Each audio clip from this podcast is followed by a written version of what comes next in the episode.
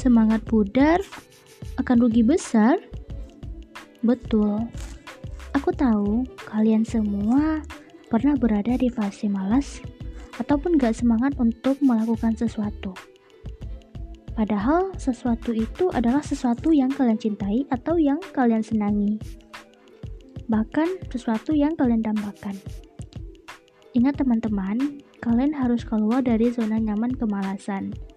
Mau sampai kapan kalian akan seperti itu? Sampai tamat kuliah? Sampai usia menjelang nikah? Usia 30 tahun? Atau bahkan sampai usia 40 tahun? Ayo keluar dari zona nyaman kemalasanmu untuk mencapai sesuatu yang sangat berarti dalam hidupmu. Ayo teman-teman, aku yakin kalian pasti bisa keluar dari zona nyaman kemalasan. Ayo sama-sama kita keluar dari zona nyaman.